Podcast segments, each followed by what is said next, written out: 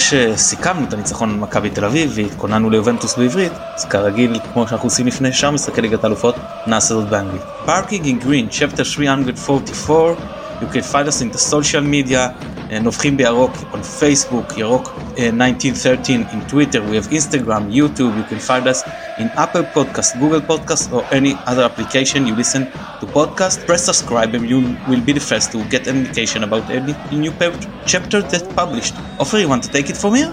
Yes, thank you Matan, it's great being here and I want to introduce and welcome Danny uh, from well Danny, you know what? Let let introduce yourself. Yeah, hi, I'm I'm Danny. I'm I'm uh, I run uh, Black and White and Red all over. It's a Juventus uh, fan site on SB Nation, and uh, glad to glad to be here, guys. We're, we're glad to have you here. So, um, as Matan said in Hebrew, so I'll just uh, in English. Uh, we're the, the pod is to welcome. You know, we're going to have another game between Maccabi and Juventus. We already played against you against the team last time we were in the Champions League, but it's a little bit different now. So I would like to start by, you know, usually we don't do it, but um, can you tell us a little bit about you know the team currently uh, how is it going um, who are the key players that we're supposed to look for how do you see them uh, lining up against Maccabi you know we start straight from the you know from from the start basically how things are going is a complicated question based on uh, what the, the last month and month and a half has been. Obviously, uh, Juventus, we're recording here day after Juventus actually won a game, which is nice to write about for once. Picked up their first win basically since the last day of August uh, against Bologna. So that should tell you how the last month has been for us as Juventus fans watching this team. You know, Max Allegri's comeback has not been uh, what many of us had hoped for. They're struggling in the league. They're obviously winless in the Champions League group stage so far, uh, albeit you know that it's playing the top two teams in the group, but yeah, it it's been a struggle. Uh, a lot of injuries, a lot of injuries to important players. Paul Pogba hasn't appeared in a in a meaningful game. His only appearance has been in Juve's first preseason friendly. And then he injured his knee in training the next day, and then he tried to do some sort of treatment on his knee that didn't go well. So now he's opted for knee surgery. Federico Chiesa is still out injured. He just actually returned to partial training today. Other guys have been in and out of the lineup, and then you've got kind of the the elephant in the room, and that's Max Allegri's choice of tactics, and he's very much trying to grind out one nothing wins and play a, a brand of football that might not necessarily be what is is commonplace in this day and age. And uh, when you've got sometimes half your regular starting lineup out and a whole lot of other issues going on, trying to play defensive football is not not effective. And it it's been uh, the the win over Bologna this past weekend was the first time since Allegri came back that Juventus had scored three goals from open play. So yeah, it's been tough. It's it's been a tough watch. It's been tough to talk about, and it's kind of anywhere you look at, it's been not very good at all. So, do you expect any changes towards the game? I mean, it doesn't sound so good. No.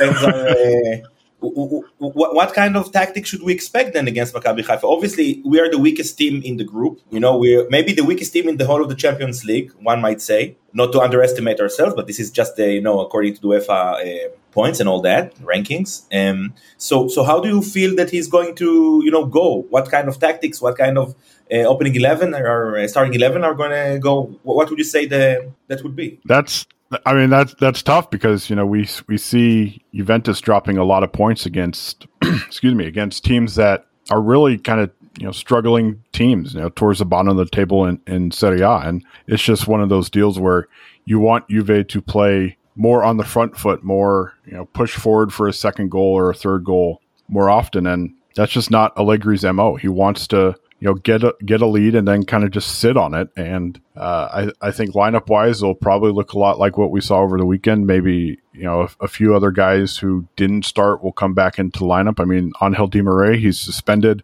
Uh, he served the first game of a two match ban uh, this past weekend, so he'll play some kind of role. And I think you know on our on our podcast, we were trying to figure out how he fits into Juventus's lineup the next couple of weeks, knowing that he's not going to be playing in league games. And it's like, well, you know they they found success with this 442 352 kind of hybrid deal over the weekend but then Di Maria is your one of your few creative outlets so it's like where do you fit him in or do you just kind of run it back and, and go with what happened uh, against Bologna. So I think uh, you know, kind of where where Allegri sees Di Maria fitting in might be kind of the the hint as to where uh, he's going with the starting lineup. Because if uh, if Di Maria is starting, then it's probably going to be uh, a four through three or of some sort like that. And who will be the player if you need to get to guess? Say that again. Who will be the players? The, the starting 11s is offer if you need to guess. Yeah, let me try and rattle it off. It'll probably be Szczesny in goal. If it's a 4 through 3, Danilo at right back, uh, Leo Bonucci and Bremer in center defense, uh, Alex Sandro at left back, probably a midfield of Paredes, Locatelli, and McKennie. Uh, if Di Maria starts, he'll be on the right wing. Uh, Dusan Vlahovic in the center of the of the Trident, and then uh, Filip Kostic on the left. So Milik Milik uh, start on the bench. Yeah, he's been that. I mean, that's also one of the things. If if it's not Di Maria in the starting lineup, then Milik, Milik will probably pair with Vlahovic up front in either a three-five-two or four-four-two. How bad was uh, losing Chiellini in the defense? I think from a leadership standpoint, it was big because this Juventus team they they just don't have a lot of leaders that that jump off the page. I mean, you know, you look back ten or so years ago, you know, you had the likes of Buffon, you had Chiellini, you had Bonucci, you had Marchisio. I mean, you could just go on and on and on and on. And since that old guard has either retired or left the club and, and gone to play somewhere else, it's just a leadership void hasn't necessarily been filled as as much as you had hoped for. So uh, he hadn't been playing all that much because, uh, as we're all too familiar with, muscle injuries and Giorgio Chiellini the last four or five years kind of go together like peanut butter and jelly. So yeah, it, on the field he he hadn't been playing in many games, but I think his his presence alone in in both the locker room and when he did play uh, was still vastly important. And do you are you in the position just out of curiosity that uh, getting rid of Dybala was a good thing or not? Well, the way he's playing at Roma right now is certainly looking like a bad thing because uh, he start he started his career at Roma pretty pretty good. But I'm from the the camp where I can totally understand why Juventus did it because there's a guy asking for a whole lot of money and his injury record the last three four years has not been very good at all. So it's like, are you willing to invest that kind of money for somebody who might not necessarily be on the field for a third or even a half of the games you play? But at the same time, Paulo Dybala was one of my favorite players. so it's like, yeah, I, I want to see him at Juventus. I would have loved to see him at Juventus. You know, he's he was their vice captain the last couple of years, and all of a sudden, like like I was just saying about Chiellini, you know, that's another leader that is now not at Juventus and somewhere else. So yeah, I think that every time I, I say open up Twitter and I see Paulo Dybala scoring another goal, it's like a little more salt in the wound. I was yeah. like, man. And plus, you know, I mean, they're not direct replacements, but you know, Di Maria hasn't been all that great since coming to Juventus for one reason, one reason or another, whether it's injuries or just you know not not playing very well. So you know, it's uh, that that and seeing Dybala play so well has not been a very good combination. Yeah. So uh, yeah, Matan. Yeah, in uh, Saturday we're going to play against the Empire of Reineh. Uh, I, I think uh, because I, have been sarcastic because uh, this is a team from a small village, first time in the in the first league, and uh, they haven't won this this season yet.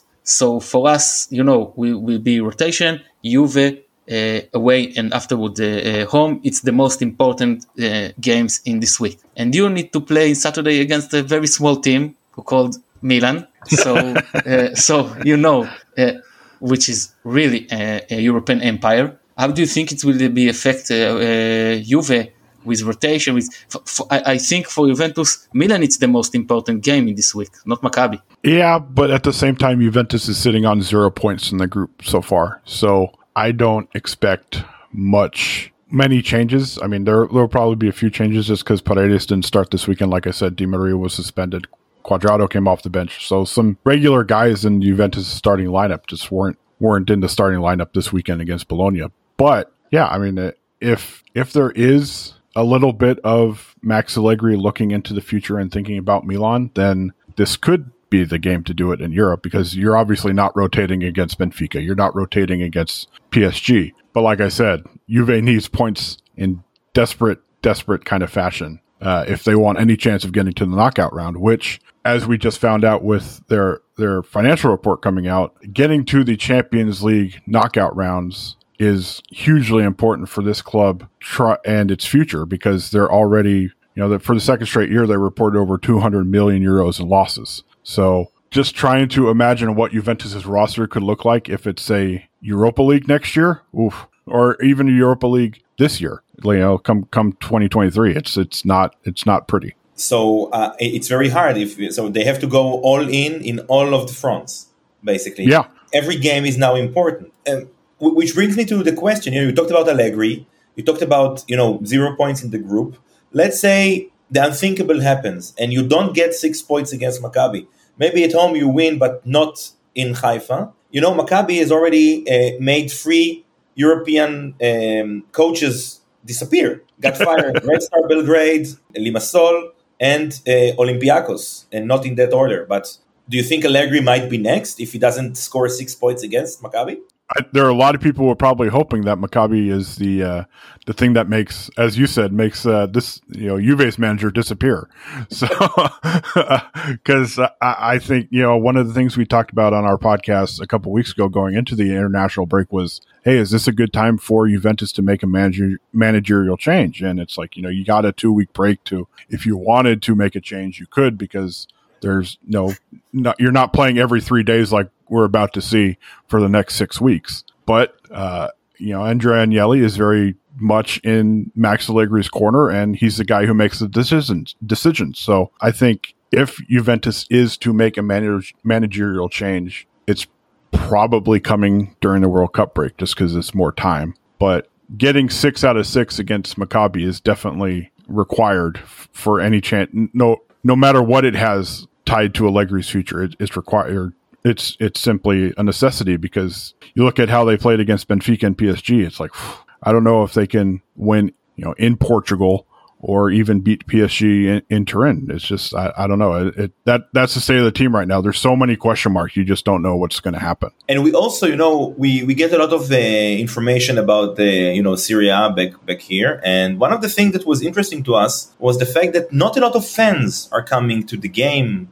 uh, two, two days from now the ultras are, uh, as far as we heard, are uh, ban- are you know not coming to the game. Are you know uh, what's the word I'm looking for? Um, decided they're not coming, and a lot of Maccabi fans bought actually tickets to some Juve stands. And what is the situation with, with that part? Like, what's the situation with the fans of Juventus that are not coming? Why is that? Yeah, you mentioned the ultras. There's been a lot of disputes with them over the over the last few years, just in terms of uh, tickets and ticket pricing and their their relationship with the club and just overall. I mean, you look at the crowd specifically against Benfica. It's your first Champions League group stage game of the season at home. Uh, obviously, a very important game. It's one that Allegri very much pinpointed as one that could be the tipping point in the group. And you know, the East Grandstand, the one that is on the far side of the field when you're watching on TV, there's a whole lot of white seats being seen, and it was maybe not as bad this past weekend, but it, it was still pretty noticeable. Uh, and it it's a combination of Juventus obviously not playing well, but ticket prices as a whole. I mean, Juventus is just I feel like they're just been jacking up ticket prices on people, and you know it's it's that kind of eternal question. It's like, do you want to pay a lot of your money, your hard-earned money, to watch a not very good product? Obviously, for me, I'm I'm sitting here in the United States. I'm I don't have to worry about that. But for people who live in Turin and in Italy, it's like, hey, you know, if you have a chance to go to a Juventus game, are you willing to sit through a crappy game and pay a lot of money for it? I don't know if I would want to, but you know, it it's something that a lot of people have had suddenly had to make the decision, and I think this has obviously been building from Allegri's first year because the the quality of football wasn't great either, but especially this year, knowing how bad of a start it's been. I mean, it's it it's tough to be like, yeah, we you know to be like, yeah, we need to go to a Juventus game rather than, yeah, maybe I'll just watch at home. Got it. It's very odd, you know, when you look at because Roma this year had like a season ticket record. Uh, Milan and Inter, you know, Milan okay after a, a, historic championship after ten years, but Inter as well. They're filling up the San Siro. You see, you see full full stadiums in in Firenze, in Florence. You see full stadiums in in Udine and in other in, i just saw sampdoria versus uh, what i don't remember who's the team but also the genoa stadium was was quite full and juve was supposed to be the most supported team in italy as far as i know from what i knew before it's like it's just lagging behind, and you think it's all about the ticket prices? Uh, it, it's the ticket prices and it's the overall product that they're putting out there. You look at Roma. I mean, you mentioned we talked about Dybala a couple minutes ago. Look at just the reception that his presentation got. Obviously, there's a whole lot of enthusiasm behind Roma and their supporters right now. You know, they're coming off winning the Conference League. They're you know playing somewhat well to start this year. Uh, obviously, they signed you know one of one of the league's best players. They've got other exciting players. They've got uh, obviously a, a, polarizing kind of manager. Mm-hmm. Uh, Milan is a young and exciting team. They've got a lot of momentum behind them. Uh, Inter not so much, but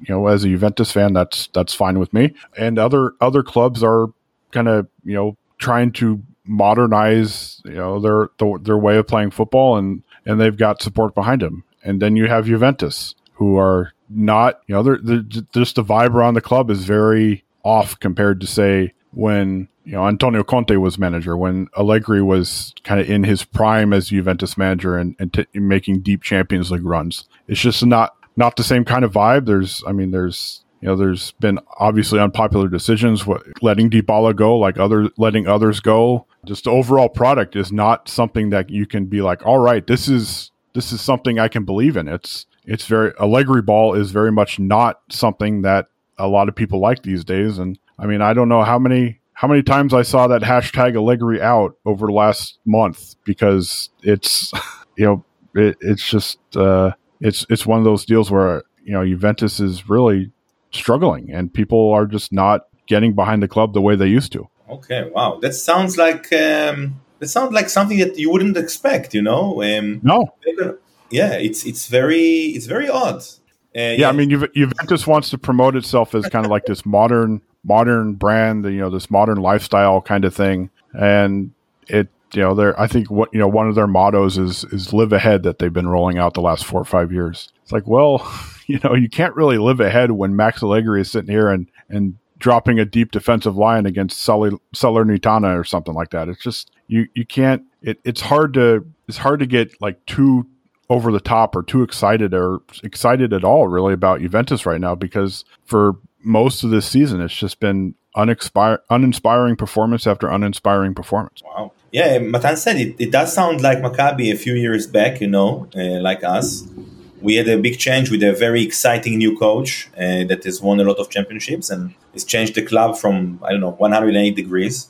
Um, but it, it, it, you know you'll see a completely different atmosphere, I guess, when um, the week after in Haifa it's going to be a full stadium. As every game this season has been sold out, uh, except for the you know the, the first game, which was like um, uh, Super Cup sort of thing, but every sold the, the sold the, the, Super Cup was sold out. Sold out as well. Easy sold out. I, I beg I beg to uh, sorry I don't the, remember the last time so long ago. The, the last time the last time we haven't sold all the stadium in in in uh, in the, the the home home court in in uh, our home have been in January when we yeah. play uh, uh, the second leg in the national cup and we won the first away so the, the most of the fans already knew we're going to, to uh, qualify. So uh, it's about uh, came about I don't know um, half of the stadium. But since then, since this came in January, all the games sold out. Uh, yeah, that that was uh, in um, amazing. It's actually crazy that it actually happened. You know, it's um, I can't believe that we're coming to a game against Juventus and, and the atmosphere here is going to be better than over there. So, yeah, I, I, I, was I was thinking more than a few times watching Juventus Bologna yesterday. It's like, man, this you know this stadium and I mean obviously the pandemic had a lot to do with kind of how people um, view things and want to kind of spend their money and everything. But it's like you know this this this stadium four or five years ago was. I mean, it didn't matter who it was and it was you know it was loud it was exciting it was a great atmosphere and just over the years it's become less and less and less. I mean juventus stadium it's not it's not all that big. I mean it's like 40 41000 and yesterday i think it was about 34000 so you take 7000 people out of that plus you're coming off a winless september. Yeah it's uh the atmosphere was was n- not nearly the decibel level that it, it had been in previous games this season and just previous games the last two years. I mean it's just yeah it's it's a very nervy kind of uh, group of spectators. I think that's kind of a, a, good way to describe. It. They're very, they're almost kind of expecting something to go wrong at at some point because I know I am. So, so let's talk about expectations. So, one of the things that interests our, our listeners is to hear what does you know the media over there. I don't know how you know because you're in the states and not in Italy, but I guess you read the Italian media or you know get some news about the club. What do they say about Maccabi? You know, one of the uh, we'll start with. Uh, it's a very specific uh, day that Maccabi is playing against Juventus. It's one of the holy the holiest day in, in the Jewish calendar. It's Yom Kippur. Some of the Maccabi players are going to fast for the whole 24 hours before the game, almost. Um, is that something that was on the news over there? And what is the Italian media say about Maccabi? Like, who the player to watch, and if if anything, is it interesting enough to, for them at all? Yeah, honestly, I for one, I didn't know that it was is Yom Kippur. Uh, I I don't know how much uh, the Italian media is aware of that. So maybe maybe you're you're breaking some kind of news for for for them. But I think it's uh, you know the, the Italian media is very much you know they they live they live in the moment. So I don't know how much they are looking forward to Maccabi coming into this weekend. So uh, I'm sure you know you pick up the uh, the, the dailies, you know whether it's Tuttosport or Gazzetta or whatever tomorrow, and it, it's very much going to be turning towards the Champions League. So, uh, but yeah, I think you know, looking at the those outlets today, it was it was a lot like you, you know, basically like I was saying earlier, Juventus finally won. You know, I you know Max Allegri essentially declared it kind of like a you know they're going to start a quote unquote new season with uh, with the Bologna game, and that was kind of the the message that you know, hey, th- look how Juventus started their new season, not necessarily looking towards towards Champions League, but yeah, come come tomorrow, come Tuesday's uh, Tuesday's paper, I'm sure is going to be a lot of a lot of Maccabi stuff, but I'm not sure anybody will will know it's know it's Yom Kippur and players will be fasting like you like you said. And you know, I, I you told us before that uh, you you don't go to Juventus obviously because you're in the states. But what what should Maccabi Haifa fans? I don't know if you know. Maybe it's maybe you're the wrong person to ask. But what should fans expect when coming to the stadium? You know, it's we, we we went. Me, I was in Lisbon for the Benfica match. It was great atmosphere, a full stadium lots of fans, except for the um, the security in the beginning. It was really a great atmosphere, lovely time. And I guess it's not going to be the same for that game. Is is you know? Yeah, I would I wouldn't expect this.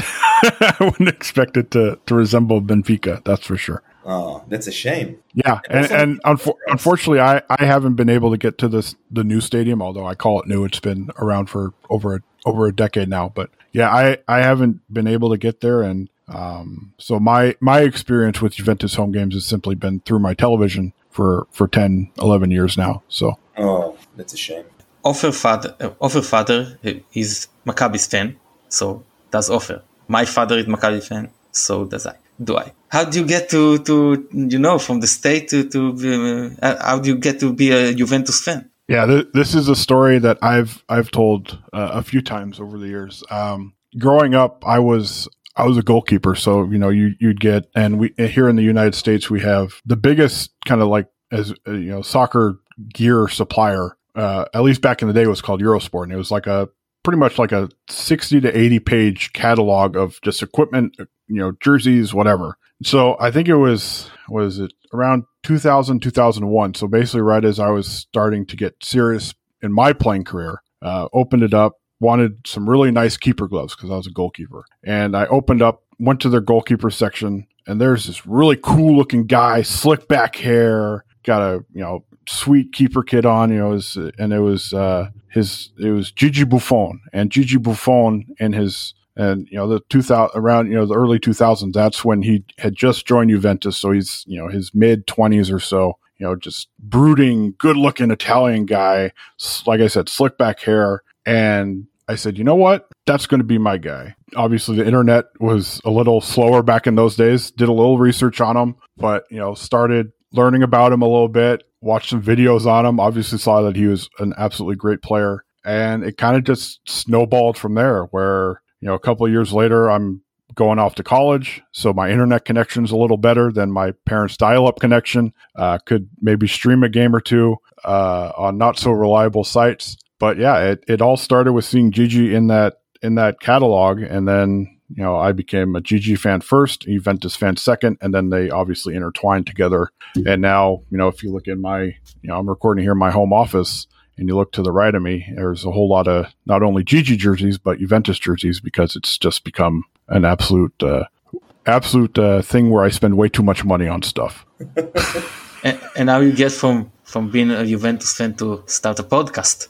You know, for Yeah. us, it's natural. We, we leave the team f- for you. I think when you're not live in the same country, how you think about it? Yeah, it's uh, you know we we started a podcast. You know, it, it's always good to start a podcast when there's nothing to talk about. So we started a podcast for our website when lock. I think we're in the second month of lockdown in Italy. So games weren't going on. Just basically speculation galore of when they you know teams would come back if they would come back. And we had been talking about for months. It's like, hey, let's let's start this podcast. Let's get it going. And then we finally did. And it was like, great. We're going to be basically just sitting around talking about what we're doing, trying not to get COVID, right? So, yeah, I mean, thankfully the games came back that summer. We had a whole lot to talk about on top of a whole lot to writing about. And I mean, we're, you know, our website, we've got people all over the place. I mean, we got, you know, one guy in New York, one guy who is originally from Netherlands. He lives in the center of, you know, in the, in the Midwest. We've got, you know, another guy, he lives in Mexico. So we're kind of a, a hodgepodge of, of different people who have, you know, all kind of been formed together with the same common interest of Juventus, and it, it's a it's a pretty cool experience just because you know there's so many different cultures and everything going on. That's what that's what we love most about our website is that you know, we might have somebody from the U.S.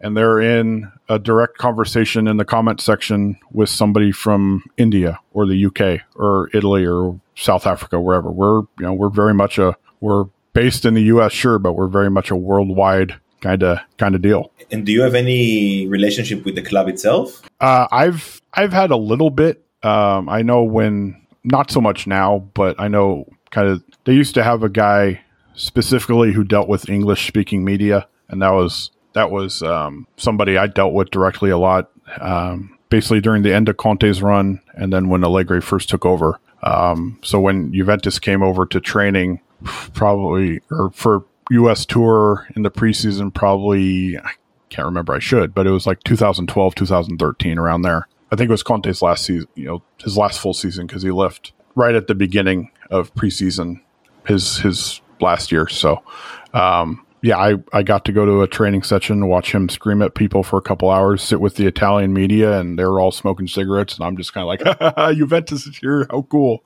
So, yeah, that that that was my main, I guess, conversations with them those those those early 2000, 2010 years.